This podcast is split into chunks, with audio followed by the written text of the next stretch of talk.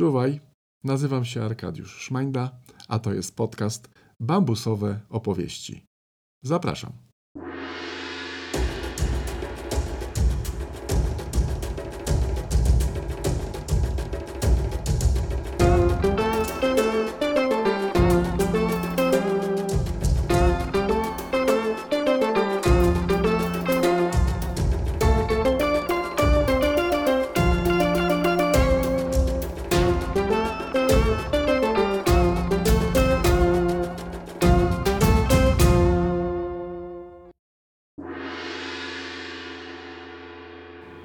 Dobry się z Państwem.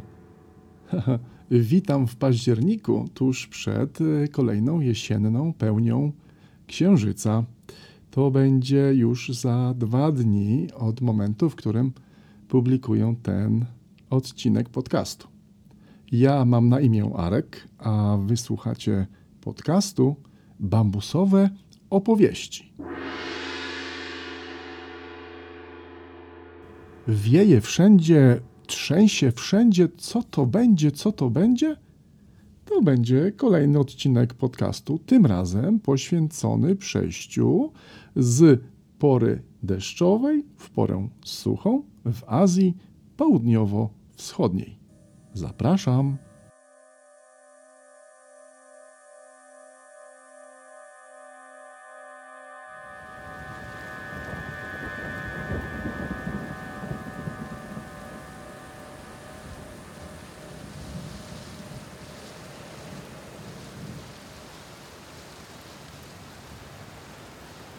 Ani się obejrzeliśmy, a już mamy październik i to niemal połowę października. Jest to e, w moim kalendarzu czas szczególny. E, po pierwsze, to jest moja rocznica e, osiedlenia się w Azji w 2014 roku. To właśnie w październiku przyleciałem do Chin, do Qingdao i tak już sobie powolutku mija niemal 9 lat. Październik e, to też e, dobry miesiąc na opowieści o zmianie sezonów w Azji. Zmianie sezonu deszczowego na sezon suchy.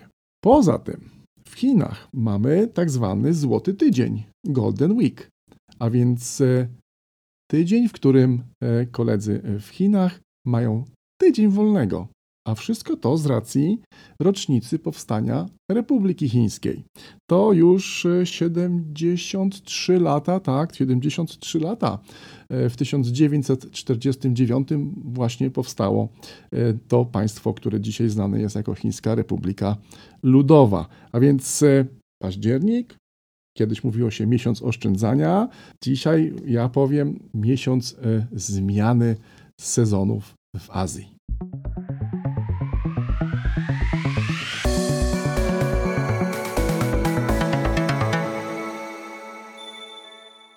Przejście pory suchej w deszczową i później deszczowej w suchą zawsze obfituje w ekstremalne zjawiska pogodowe. W naszym przypadku, a mówię tutaj o Azji Południowo-Wschodniej, są to silnie wiejące wiatry oraz niestety trzęsienia ziemi.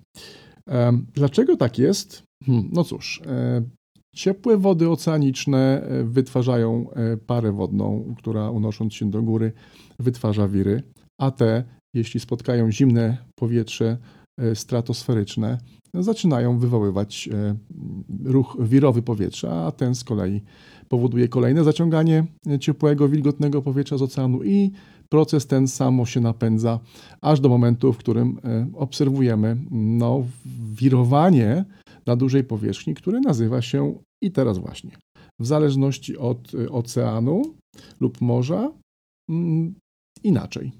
A jak?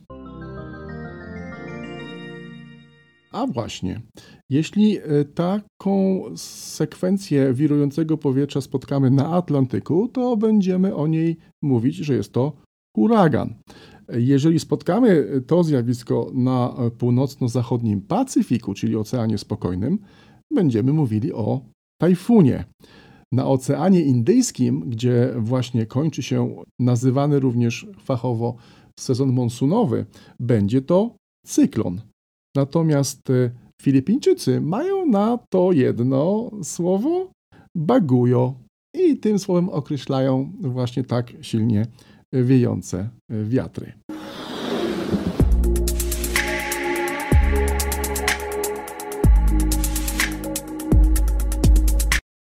Ja również mogę łatwo rozpoznać, kiedy e, następuje zmiana sezonu, zmiana pory e, deszczowej w suchą czy suchej w deszczową, e, po prostu obserwując miejsce zachodu słońca z mojego balkonu. Kiedy mamy przesilenie wiosenne, czyli zmianę pory suchej na porę deszczową, słońce zachodzi po mojej lewej ręce.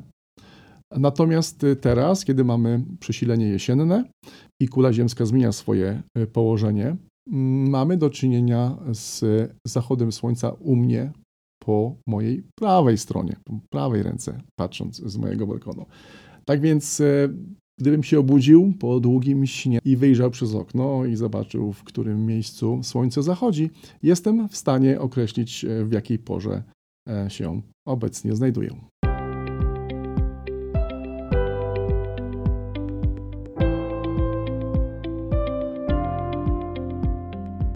Te masy nagrzanego powietrza, które e, w sumie kończą się później gdzieś wywołaniem e, wschodzącego powietrza i, i tworzącego w ten sposób e, huragany, tajfuny, cyklony, w zależności od tego, gdzie ten wiatr wieje, powodują wokół tego rejonu tak zwane depresje. Zresztą depresja pogodowa jest w pewnym sensie również początkiem takiego tajfuna czy huraganu zbiera e, cząsteczki wody, wznoszą się one ku górze i ten proces fizyczny się rozpoczyna.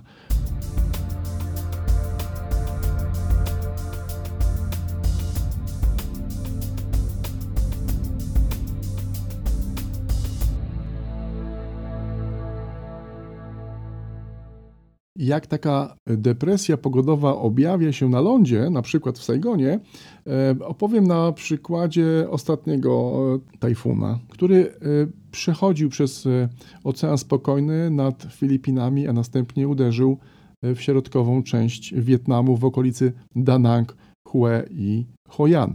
W Saigonie podczas tego uderzenia był bardzo drobny, rzęsisty, gęsty deszcz, i wirujące powietrze, które powodowało, że można było powiedzieć, woda unosi się do góry, deszcz pada e, w odwrotnym kierunku, ponieważ te wiry powietrza e, i różnice konwekcyjne w temperaturach e, gwałtownie zmieniały kierunek mm, opadu. Co więcej, wyczuwa się to też jako zimne powietrze. Tak, tak, ja wiem, jak to brzmi, kiedy mieszkacie w okolicy równika czy, czy w okolicy podzwrotnikowej i temperatury rocznie wahają się w przedziale 2-3 stopni i wszystkie oscylują w okolicy 30 stopni Celsjusza, to powiedzenie, że jest mi zimno, zakrawa pewnie na żart.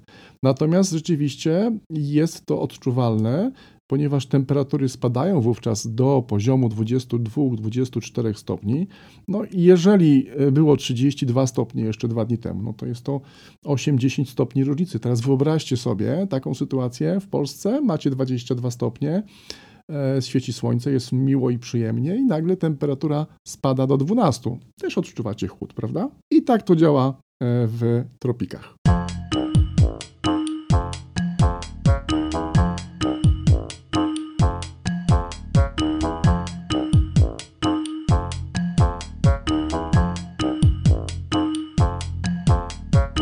Przy okazji oczywiście wieje bardzo silny wiatr, który wciska się w każdą szczelinę, a ponieważ w Azji Południowo-Wschodniej mieszkania nie są zbytnio zabezpieczone e, przed e, wpływem temperatur zewnętrznych, czyli zarówno okna, jak i drzwi nie są idealnie szczelne, no to pojawia się kakofonia dźwięków, pojawia się wycie, e, które przypomina nieco filmy, horrory czy, czy inne tego typu.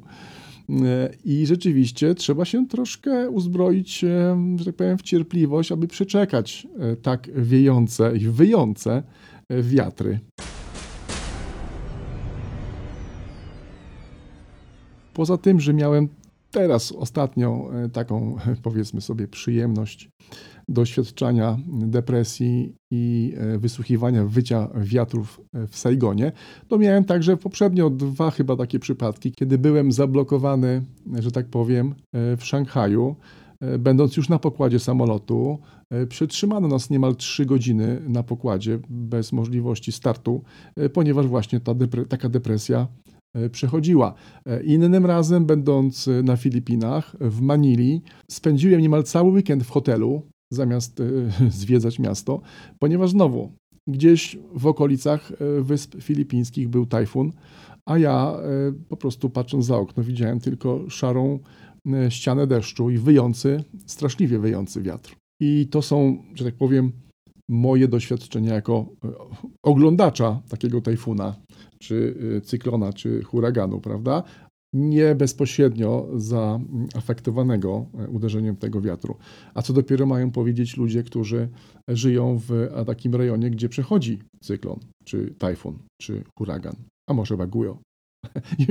No to jest bardzo fajne, naprawdę. Uwielbiam, kiedy mamy jeden efekt pogodowy, a w różnej części świata używamy różnej nazwy. Ale cóż, to wzbogaca nas nieco e, w słownictwo, a jednocześnie już dokładnie wiemy, e, co się e, dzieje, kiedy wieje wiatr na morzu lub oceanie.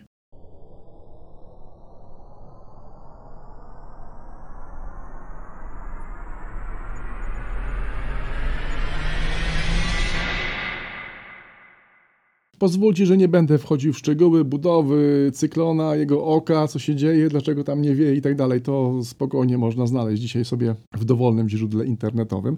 Natomiast jest taka ciekawostka, która właśnie e, ostatnio e, uchroniła w pewnym sensie Manilę przed e, gwałtownym uderzeniem. No właśnie, to było na Pacyfiku, czyli tajfuna albo bagujo. Jest na wschodnim wybrzeżu Filipin na e, Luzonie, na wyspie Luzon, e, pasmo górskie Sierra Madre. I wyobraźcie sobie, że właśnie to pasmo górskie, które sięga do około 4000 metrów wysokości nad poziomem morza, spowodowało jakby podbicie e, cyklonu do góry i przeskoczył on jak gdyby przez dość wąską w tym miejscu wyspę Luzon i przeleciał już do e, Zatoki e, Manilskiej e, i dalej w kierunku Wietnamu. Taka ciekawostka, zresztą też obserwowałem komunikaty meteorologiczne z Manili, ale także na portalach społecznościowych i powiem Wam szczerze, że Filipińczycy dość sprytnie określili ten, ten moment, mówiąc, że góra czy też y, pasmo górskie Sierra Madre ocaliło e, im Manilę i że to jest e, sprawa Boga.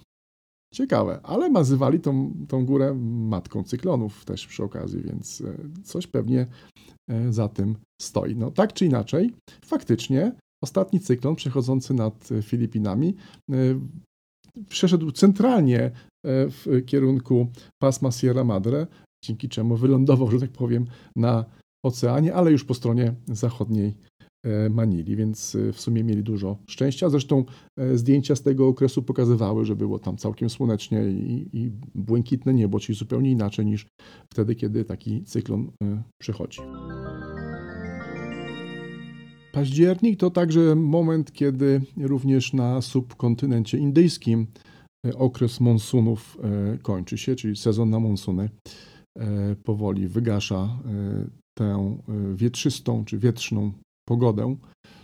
Dlatego mniej więcej od października do maja, jeśli planujecie jakieś odwiedziny w Indiach, to jest to właśnie najlepszy moment, ponieważ następna, że tak powiem, następny sezon monsunów w Indiach będzie zaczynał się właśnie w maju i wówczas pomiędzy majem a wrześniem e, no nie za bardzo polecam, e, powiem szczerze, wizytę e, w Indiach. Jak już mówimy o, o powietrzu, o tym, co powoduje, że takie zjawiska jak cyklon, tajfun huragan czy bagujo powstają, to warto wspomnieć o takim doświadczeniu, e, które każdy z nas przybywający do Azji Południowo-Wschodniej, czy generalnie w tropiki, e, doświadcza. Mianowicie, kiedy wysiadacie z samolotu, e, przechodzicie z rękawa i dalej do odprawy i później wychodzicie z lotniska, to trafiacie jakby na ścianę gorącego powietrza.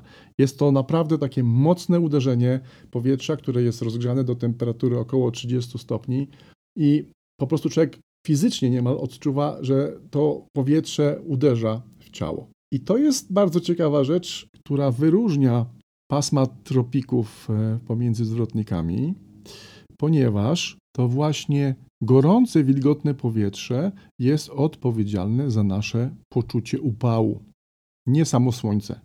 Zresztą to jest taka pułapka trochę w Azji, kiedy e, budzicie się rano i wyglądacie za okno, widać pochmurne niebo, jest dość ciemno, bym powiedział, pochmurnie, tak?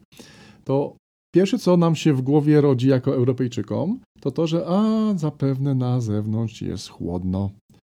Po czym otwieracie balkon czy okno i nagle bum! Takie pełne uderzenie gorącego, wilgotnego powietrza. I tak to działa.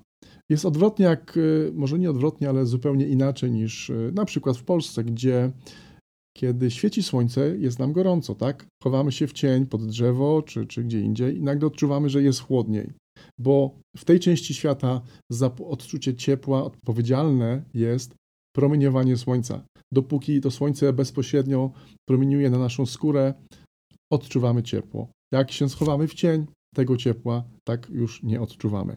Natomiast y, w Azji, w tropikach, za poczucie, odczucie ciepła odpowiedzialne jest gorące i wilgotne powietrze. O, to taka delikatna różnica. Więc pamiętajcie, będąc y, w Azji, nie bójcie się pochmurnego nieba, bo tutaj zawsze jest gorąco i zawsze panuje lato przez 360 dni, a nawet 365 dni w roku.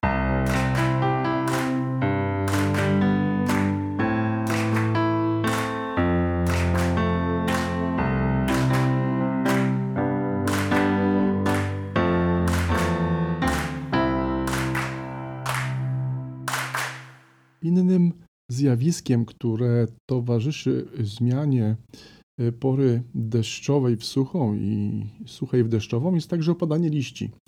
Wydawałoby nam się, że w Azji Południowo-Wschodniej e, cały rok e, wszystkie rośliny są zielone, co jest oczywiście prawdą, ale te rośliny również muszą odpocząć. Więc zanim wykwitną, albo po kwitnieniu, albo właśnie przy zmianie miejsca, na przykład nasadzenia, e, normalnie rośliny te gubią liście. Także mimo tego, że mamy cały rok lato, tak, czyli 30 stopni jest e, ciepło, to w okresach przejść pomiędzy sezonami deszczowym i suchym obserwujemy również dość sporo żółtych liści na ziemi. Czyli mówiąc krótko, taka troszkę jesień.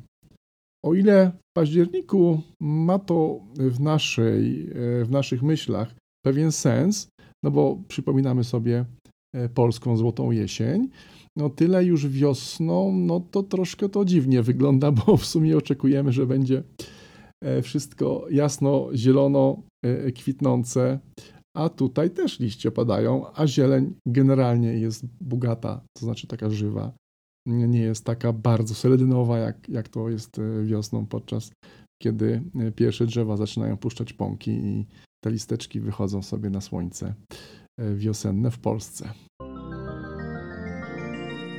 To oczywiście jest w Azji Południowo-Wschodniej, bo jak wiecie, od mniej więcej Szanghaju na północ, a więc mówimy tu o północnych Chinach, mówimy tu o Korei, oraz Japonii mamy normalne cztery pory roku, gdzie zimą również pada śnieg i te wszystkie mm, miłe doświadczenia e, z jesieni czy z zimy e, są naszym e, powszechnym, powszednim doświadczeniem.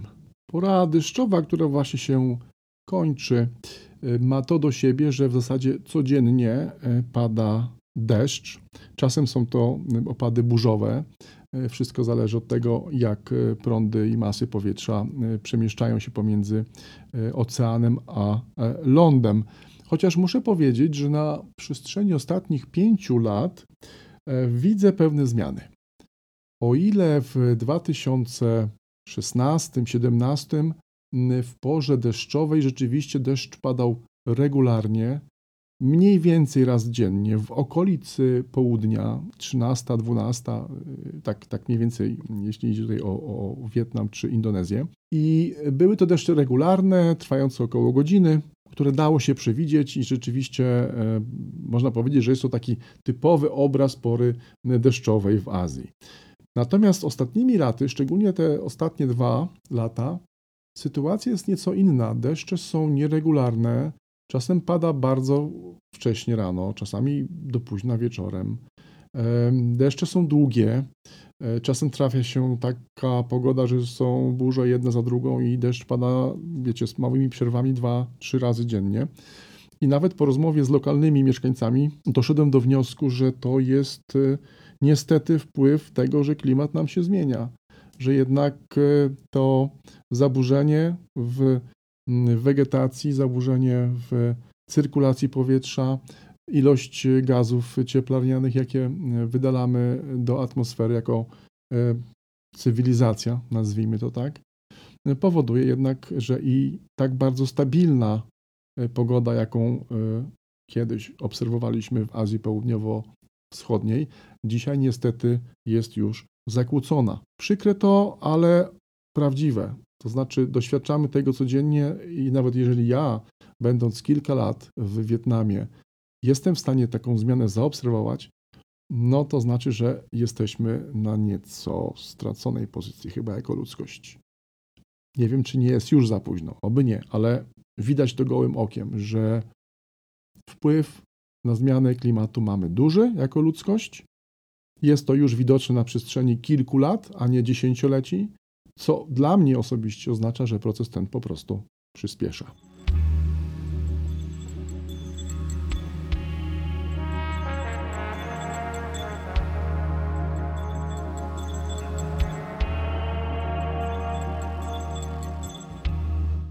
No dobra, my tu gadu gadu o tajfunach, e, huraganach, cyklonach czy o Baguyo, a pytanie się rodzi następujące: czy te tajfuny, czy te wiatry to jest jedyne niebezpieczeństwo, jakie czyha na nas w Azji Południowo-Wschodniej? Jak myślicie? No tak, słusznie. To nie jest jedyne niebezpieczeństwo, jest jeszcze jedno. To są trzęsienia ziemi.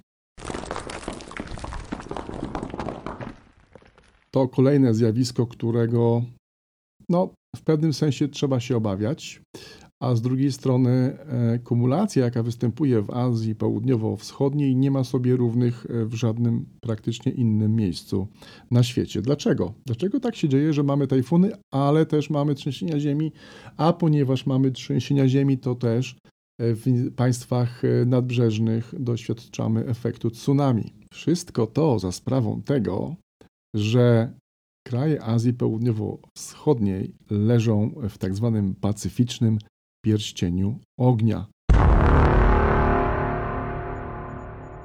który złożony jest z rowów oceanicznych, z łuków wyspowych i aktywnych wulkanów, które otacza niemal nieprzerwanie cały Ocean Spokojny, mniej więcej od Kamczatki przez Japonię, Wyspy Filipińskie, aż do y, wyspy Kuka i później po drugiej stronie Oceanu Spokojnego przez Alaskę, Kalifornię, Chile aż do południa Ameryki.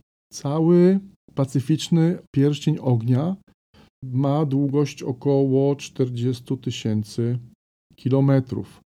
I Azja Południowo-Wschodnia, a szczególnie Filipiny, Indonezja, częściowo Malezja doświadczają właśnie szczególnie takiego, można powiedzieć, dubletu zjawisk pogodowych. Bo z jednej strony mamy do czynienia z tajfunami, a z drugiej strony mamy trzęsienia ziemi.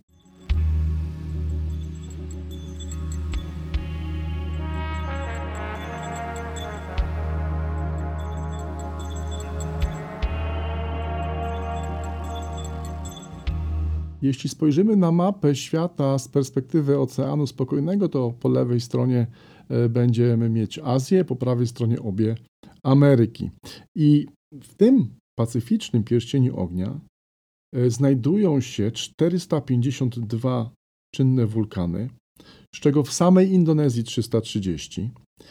Ten rejon świata odpowiedzialny jest za 90% wszystkich trzęsień. To w tym rejonie wyłaniające się z Pacyfiku wyspy towarzyszą rowom oceanicznym, które jak rów mariański sięgają nawet do głębokości 14 tysięcy metrów, czyli 14 kilometrów. Średnio mają one po 10-12 e, kilometrów głębokości. I jest to spowodowane tym, że w tym właśnie miejscu e, mamy do czynienia z nakładaniem się e, płyt tektonicznych.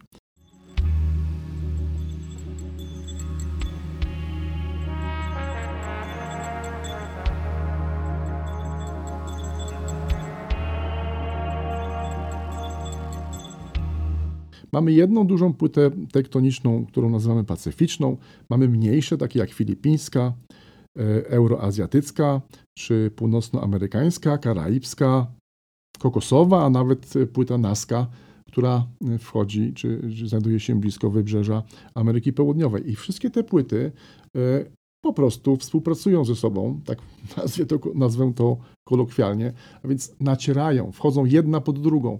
Przez to, że tak się dzieje, mamy do czynienia z trzęsieniami ziemi, a przy okazji również wybuchami e, wulkanów. Zatem jakie państwa czy jakie wyspy e, wchodzą e, w skład tego pierścienia ognia? No więc idąc od północy, to oczywiście jest Japonia, potem tak jak mówiłem, poniżej są Filipiny.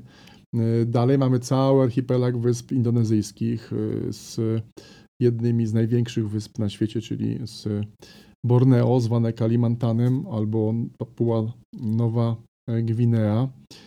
E, do tego dochodzą oczywiście wyspy Galapagos, Hawaje, które leżą wewnątrz e, tego e, pierścienia, a cały ten obszar płyt tektonicznych nazywamy również strefą subdukcji, czyli strefą wchodzenia płyt jednej pod drugą. I tak dzieje się wzdłuż całej wschodniej, jak i zachodniej części pierścienia.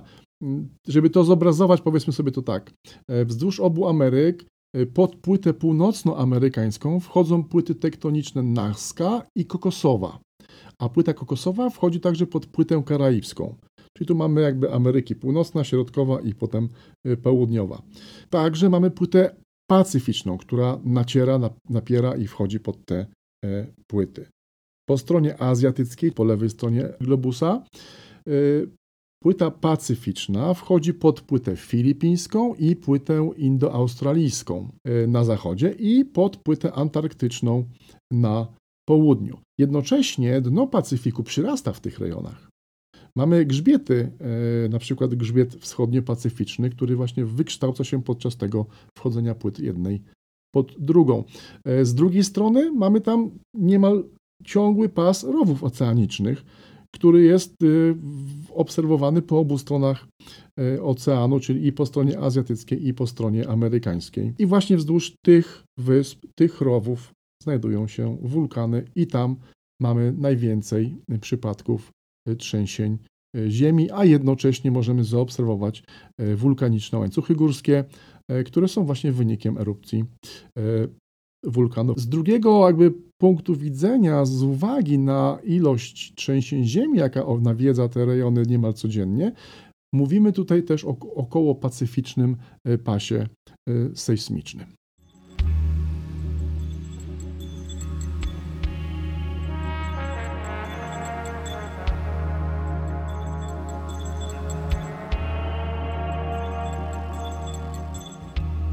Podobnie jak e, zróżnicowane płyty tektoniczne, tym wysuniętym ponad poziom morza e, pasmom e, górskim, które tworzą wyspiarskie państwa, takie jak Japonia, która ma ponad 3900 wysp, czy Filipiny z ponad 7 tysiącami wysp, czy w końcu Indonezja, chyba największe państwo wyspiarskie, które ma ponad 17 tysięcy wysp.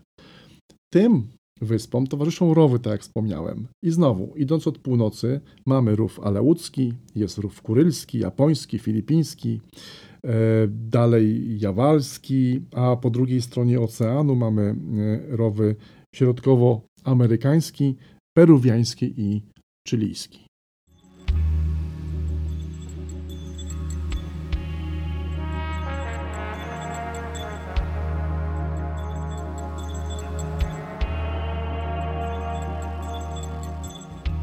Takie położenie, czy ta, taka konfiguracja geograficzna, czy geologiczna, z jednej strony oczywiście ukształtowała archipelagi, czyli y, to, co dzisiaj widzimy ponad poziomem morza, jako Japonię, Filipiny czy Indonezję, jest wynikiem mm, aktywności sejsmicznej y, w tym y, rejonie, ale także wpływa znacząco na życie ludzi. Po pierwsze, oczywiście dzisiaj to już wiemy, ale od, od zawsze niemal w Azji Południowo-Wschodniej budowa osiedli czy wiosek była raczej skupiona na budowaniu e, lekkich domów e, z konstrukcji bambusowej i e, zwieńczonej dachami z liści palmy czy liści bananowca. E, oczywiście w Japonii dopracowano się metodologii, która umożliwia budowanie nawet wysokich budynków odpornych na wstrząsy sejsmiczne, dzięki czemu e, Japonia e, nie doświadcza takich dramatycznych sytuacji jak Filipiny, które jeszcze tych technologii nie używają.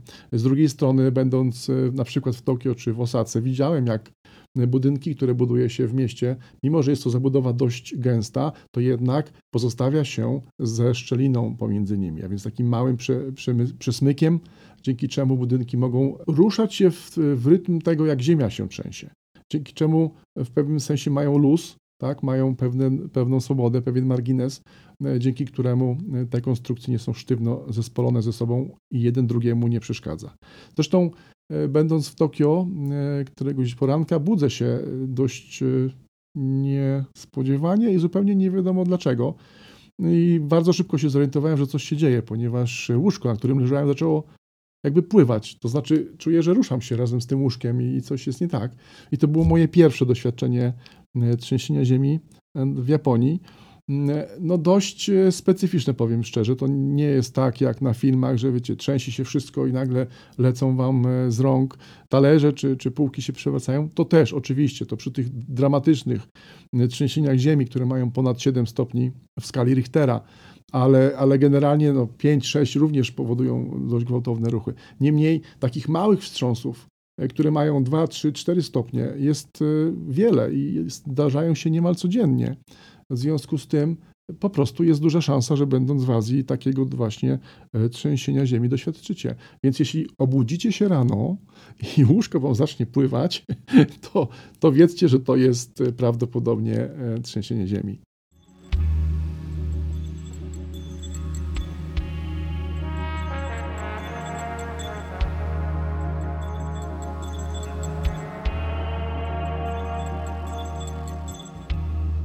Bogate państwa, takie jak Japonia, czy, czy Singapur, czy Malezja, e, czy Chiny, e, wiedząc o tym, jak e, trzeba zabezpieczyć się przed wpływem trzęsienia ziemi na infrastrukturę, oczywiście budują dzisiaj zupełnie inaczej niż kiedyś. Natomiast państwa biedne, takie jak Filipiny czy część Indonezji, no po prostu nadal jednak budują bardzo proste budynki, tak? czyli bambus, trzcina, liście i to wszystko na jakichś palach czasem betonowych, e, wbitych lub zalanych do ziemi, czasem jest to po prostu zwykła płyta betonowa, na której buduje się lekkie budynki, ponieważ takie budynki lekkie, nawet jeśli przejdzie tajfun, a swoje dołoży trzęsienie ziemi, to będzie po prostu łatwo odbudować. I tak to się dzieje.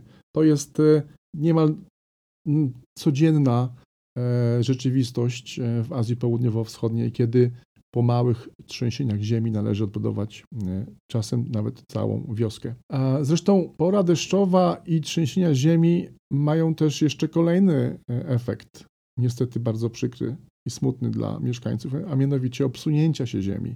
Jest to kolejny problem dla mieszkańców Azji. Gwałtowne opady, które e, rozmiękczają ziemię, powodują, że ziemia jest nasiąknięta. Kiedy spotka się to z silnym wiatrem albo trzęsieniem ziemi, po prostu się osuwają. A jak się osuwają, to oczywiście zgarniają po drodze wszystko to, co tam napotkają. Bardzo często niestety osiedla lokalnych mieszkańców.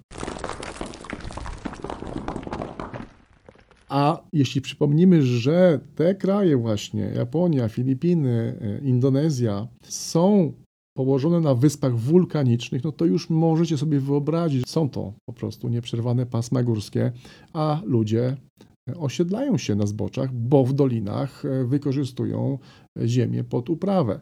W związku z czym są jeszcze bardziej narażeni na takie mm, ekstremalne warunki, na takie ekstremalne zjawiska, jak na przykład obsunięcie się Ziemi. Także, jak widzicie, e, mamy tutaj troszeczkę e, do opanowania spraw w Azji. Nie dość, że wieje, to trzęsie, a jak trzęsie i wieje, to czasami również potrafi się Ziemia obsunąć.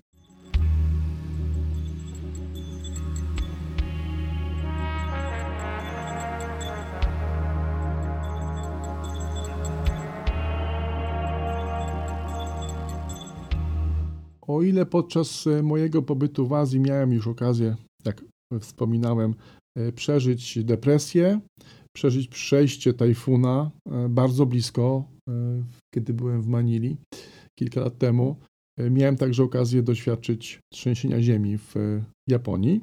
O tyle nie miałem jeszcze, na żywo przynajmniej, możliwości zobaczenia wybuchu wulkanu, aczkolwiek miałem okazję widzieć wulkan tuż przed i zaraz po wybuchu.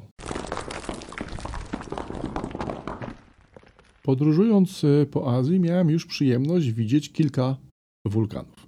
Oczywiście słynny wulkan Fuji w okolicach e, Tokio. To także wyspa Bali i słynny wulkan Agung.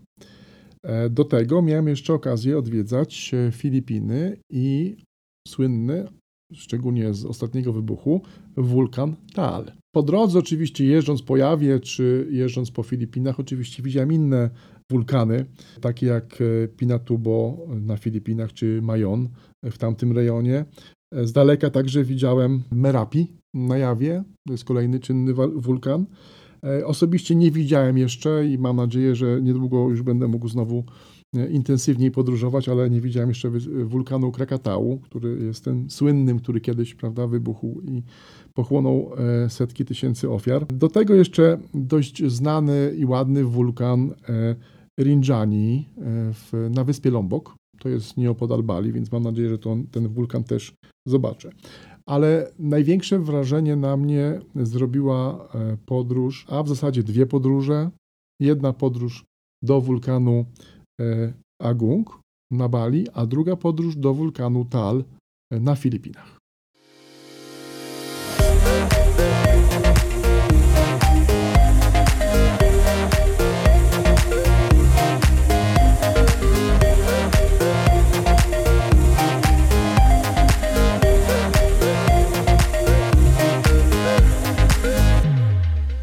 Będąc na Bali, e, zamówiłem wyprawę w sumie do wulkanu, czy na wulkan Agung, gdzie można było dojechać samochodem e, do podnóża takiego wulkanu i gdzie lokalni mieszkańcy przygotowali bardzo ciekawe e, stanowiska widokowe, gdzie można było rzeczywiście usiąść, obserwować, zrobić zdjęcia, najeść się lokalnego jedzenia i zakupić sobie pamiątki. Ale widok jest niesamowity, bo nagle stajecie przed olbrzymią górą, która wyłania się jakby z doliny i otoczona jest mniejszym łańcuszkiem e, górskim.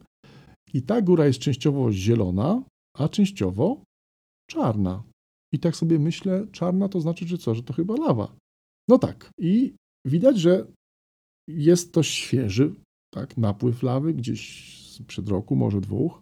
Widać wyraźnie, jak jęzory e, zastygłej lawy penetrują zbocze, ale co ciekawe, widać też kolorowe punkty.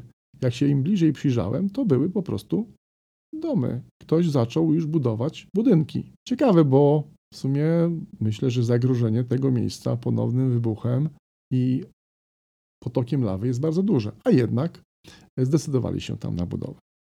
No i to jest takie właśnie bardzo kontrastowe. Tu zieleń po lewej stronie zbocza, widać jest trawa, tropikalne rośliny, wszystko jest jakby w ogóle nietknięte.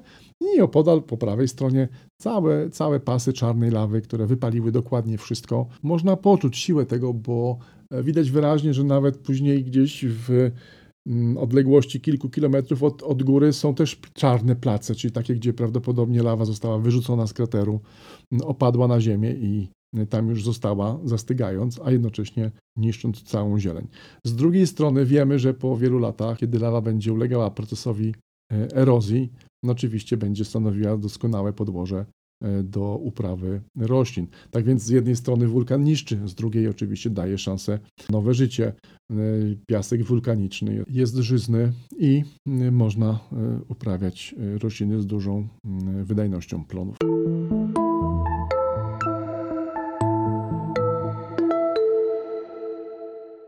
W tym przypadku wulkanu Agung było to generalnie mm, obserwowanie sytuacji historycznej. Niemal rok, nawet może więcej, po moim ostatnim pobycie na Bali, e, wulkan ten ponownie wybuchł.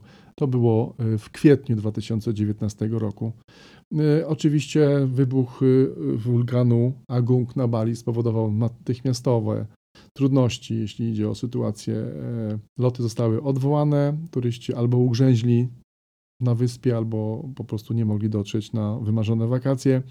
E, tym razem erupcja była bez e, ofiar, więc wyrzucanie popiołu, lawy, pióropusz dymu i ognia unoszący się z góry e, i oczywiście toczące się w dół, niosące kule ognia, które niszczyły na swojej drodze wszystko. Więc znowu ten kontrast, tak? Jestem przy wulkanie, widzę zielone zbocza, stare, zastygnięte jęzory lawy, turystów, którzy uwijają się między stoiskami, kupując pamiątki, próbując smakołyków lokalnej kuchni. W sieci słońce nic się w zasadzie wielkiego nie dzieje. I nagle mija rok czy, czy półtora roku i mamy do czynienia z erupcją wulkanu. Życie w takim rejonie według, według mnie no nie jest e, zbyt łatwe. I to był mój pierwszy e, wulkan, który miałem okazję zobaczyć z bliska. E, drugim takim wulkanem był wulkan Tal. Odwiedzając Filipiny, będąc w Manili, postanowiłem wyskoczyć na weekend do Tagaytay. To jest taka pobliska turystyczna miejscowość, jest tam park rozrywki, można pojeździć na kolejkach, dzieciaki mają, mówiąc krótko, pełny dzień zabawy a przy okazji można zobaczyć wulkan Tal, który leży w takiej niecce otoczony wodą, e, tworząc, można powiedzieć, jezioro, na którym można popływać. Można zamówić sobie łódkę, e, kajak e, i po prostu zwiedzić wulkan od podnóża. Nie jest to być może najciekawszy pomysł według mnie, bo jednak jak się okazuje, ten wulkan też jest aktywny i może wybuchnąć w każdej chwili. Niemniej byłem tam, zobaczyłem, było piękne słońce, cudowne niebo, pełno ananasów, bo muszę wam powiedzieć, że okolice tego wulkanu i w ogóle Tagaytay jest stolicą produkcji ananasa w, na Filipinach, więc e, gdzie okiem sięgnąć, pola pełne ananasów. Byłem bardzo zadowolony z tej podróży. Zobaczyłem w końcu wulkan, zobaczyłem jezioro, e, zobaczyłem jak e, uprawia się ananasy. Byłem dość, e, że tak powiem, zdziwiony, że ananas nie rośnie na drzewie. Oczywiście, że to, to żart. Niemniej faktycznie trudno było sobie to wyobrazić, jak taki ananas może rosnąć z ziemi, a on rośnie po prostu tak, jak rosną w Polsce ziemniaki, czyli uprawiane na wielkich grządkach i wycinane w momencie, kiedy są już dojrzałe. I nie minęło półtora roku od tego momentu, tej wizyty, kiedy wybuchł wulkan Tal. Było to w czerwcu 2021 roku. Odwiedziłem to miejsce po wybuchu, znacznie później, kiedy już pierwsza fala pandemii się zakończyła. No, powiem szczerze, e, widok masakryczny.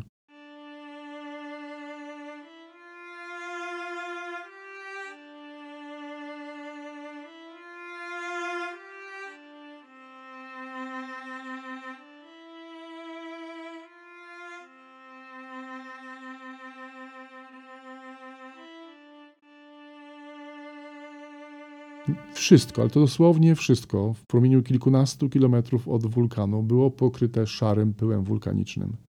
Wyobraźcie sobie taki widok, stoicie w parku rozrywki, gdzie jest tak zwane młyńskie koło, są rollercoastery, karuzele, nie wiem, samochodziki elektryczne dla dzieci. I to wszystko przykryte 5-10 centymetrową warstwą popiołu, szarego popiołu. Pojechałem też zobaczyć pola, pola ananasów wszystko zniszczone. Wysypane, zasypane 10, znowu 15 centymetrową warstwą szarego e, wulkanicznego pyłu. Oczywiście wszystkie te plony zostały stracone, nic z tego już nie wyszło, nie można zebrać, e, wszystko zgniło, że tak powiem, na polu. Tragedia dla upraw, tragedia dla osób, które parają się uprawą ananasów, czy też e, orzeszków ziemnych, bo to też jest rejon, w którym uprawia się orzeszki ziemne. No widok masakryczny. No niestety. Dzisiaj to już jest dobrze ponad rok od wybuchu. Sytuacja jest opanowana, to znaczy prosiłem znajomych o przesłanie mi kilku zdjęć e, z Tagaytay i z okolicy wulkanu Tal. No i wygląda to tak jak przed moją wizytą, czyli przed wybuchem wulkanu. E, I znowu pola wszystkie pełne ananasów, e, park rozrywki oczyszczony i uruchomiony ponownie i turyści znowu odwiedzają to wspaniałe miejsce.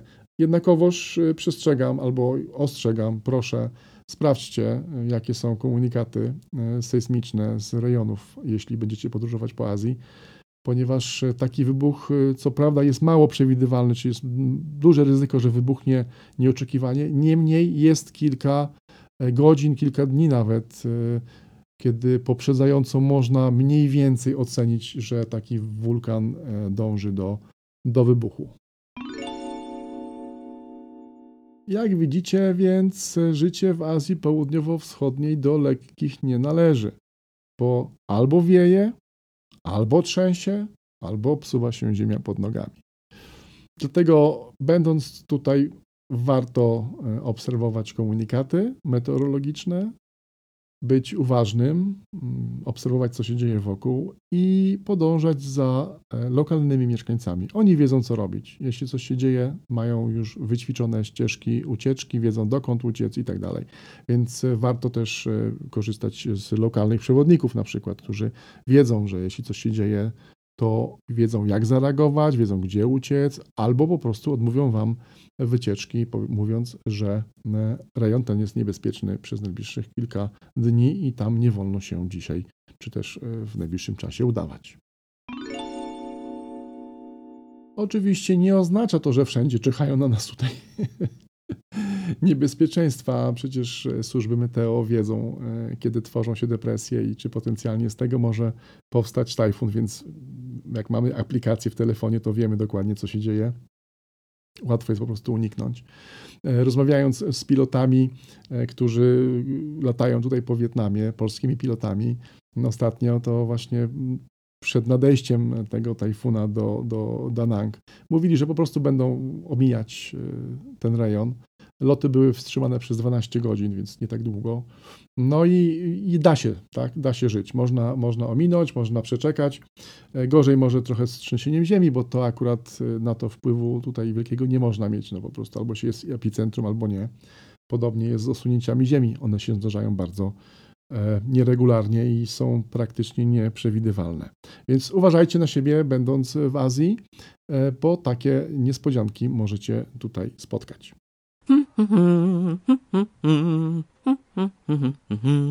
Tak więc, czekając na e, październikową pełnię e, księżyca, czekamy na zmianę sezonu pory deszczowej na porę suchą, gdzie troszkę odetchniemy od tajfunów, e, trochę odetchniemy od deszczy. Nie da się uniknąć trzęsień ziemi, ale przy okazji, jak nie pada, to też nie będzie obsunięć ziemi. Więc generalnie następuje teraz taki okres, gdzie e, znacznie bezpieczniej jest poruszać się e, po Azji. Jest też jedno ciekawe miejsce, które ja szczególnie gorąco polecam, e, które ja nazywam bezpieczną wyspą. A mówię tutaj o wyspie Palawan. To ta wyspa, na której znajduje się rezerwat czy też park narodowy podziemnej rzeki Palawan. E, to jest również wyspa, która leży na zachodniej części e, archipelagu wysp filipińskich, bardzo blisko e, wyspy Borneo. I ta wyspa ma to szczęście, że jest osłonięta wysokimi na 4-5 tysięcy metrów górami na głównym archipelagu filipińskim. Ta wyspa nie leży przy żadnym rowie w pierścieniu ognia, więc nie ma tam trzęsień ziemi. Bardzo rzadko zdarzają się ataki tajfuna, dlatego turystyka kwitnie. Więc jeśli mam zapraszać na Filipiny, to polecam bardzo gorąco wyspę Palawan. Który, która ze swoim portem lotniczym Puerto Princesa jest około godziny drogi od Manili, czyli lecąc do, do, na Palawan trzeba przesiąść się właśnie w Manili i jest to wyspa bezpieczna. Piękna, ciepła woda, rafa koralowa, jeszcze nie zniszczona, piaszczyste, długie plaże, oczywiście tropikalna pogoda cały rok i do tego piękne wodospady, e, wyprawa do drzewa e, Dao, tratwą po rzece i w końcu piękne wschody i zachody słońca. To wszystko czeka na Was na palowanie na Filipinach.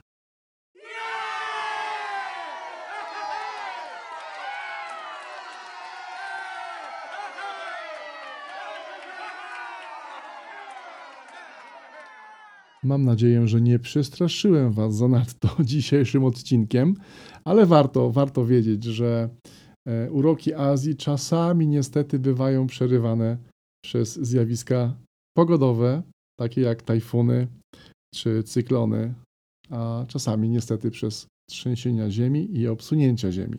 Zatem bądźcie czujni, miejcie e, oczy dookoła głowy i szeroko otwarte, bo takie niebezpieczeństwa niestety mogą się tutaj przydarzyć. I to by było na tyle w dzisiejszym odcinku, który poświęcony był e, pacyficznemu pierścieniowi ognia i jednocześnie e, zmianie pory deszczowej na porę suchą w Azji Południowo-Wschodniej. Zbliża się pełnia, a podczas pełni każde życzenie się spełnia, więc życzę Wam e, wakacji w Azji, pełnej przygód, ale może nie aż tak ekstremalnych, e, o jakich dzisiaj wspominałem e, w odcinku. Trzymajcie się ciepło i poręczy. Zachęcam do odwiedzania bloga. Tam również znajdziecie zdjęcia z miejsc, które odwiedzam. Jeśli lubicie czytać, a jednocześnie mieć podkład muzyczny, to również zapraszam do słuchania radia e, Bambusowe Opowieści, które gra 24 godziny na dobę, e, gdzie e, muzyka jest dobrana do tematyki bloga i podcastu, a więc muzyka azjatycka oraz muzyka do medytacji. I oczywiście do wysłuchania kolejnego odcinka podcastu, który już wkrótce. A póki co idzie zima w Europie, a w Azji idzie pora sucha. Dziękuję za wysłuchanie tego odcinka. Mówił do Was Arek z Delty Dziewięciu Smoków i Pacyficznego Pierścienia Ognia. Do usłyszenia. Cześć.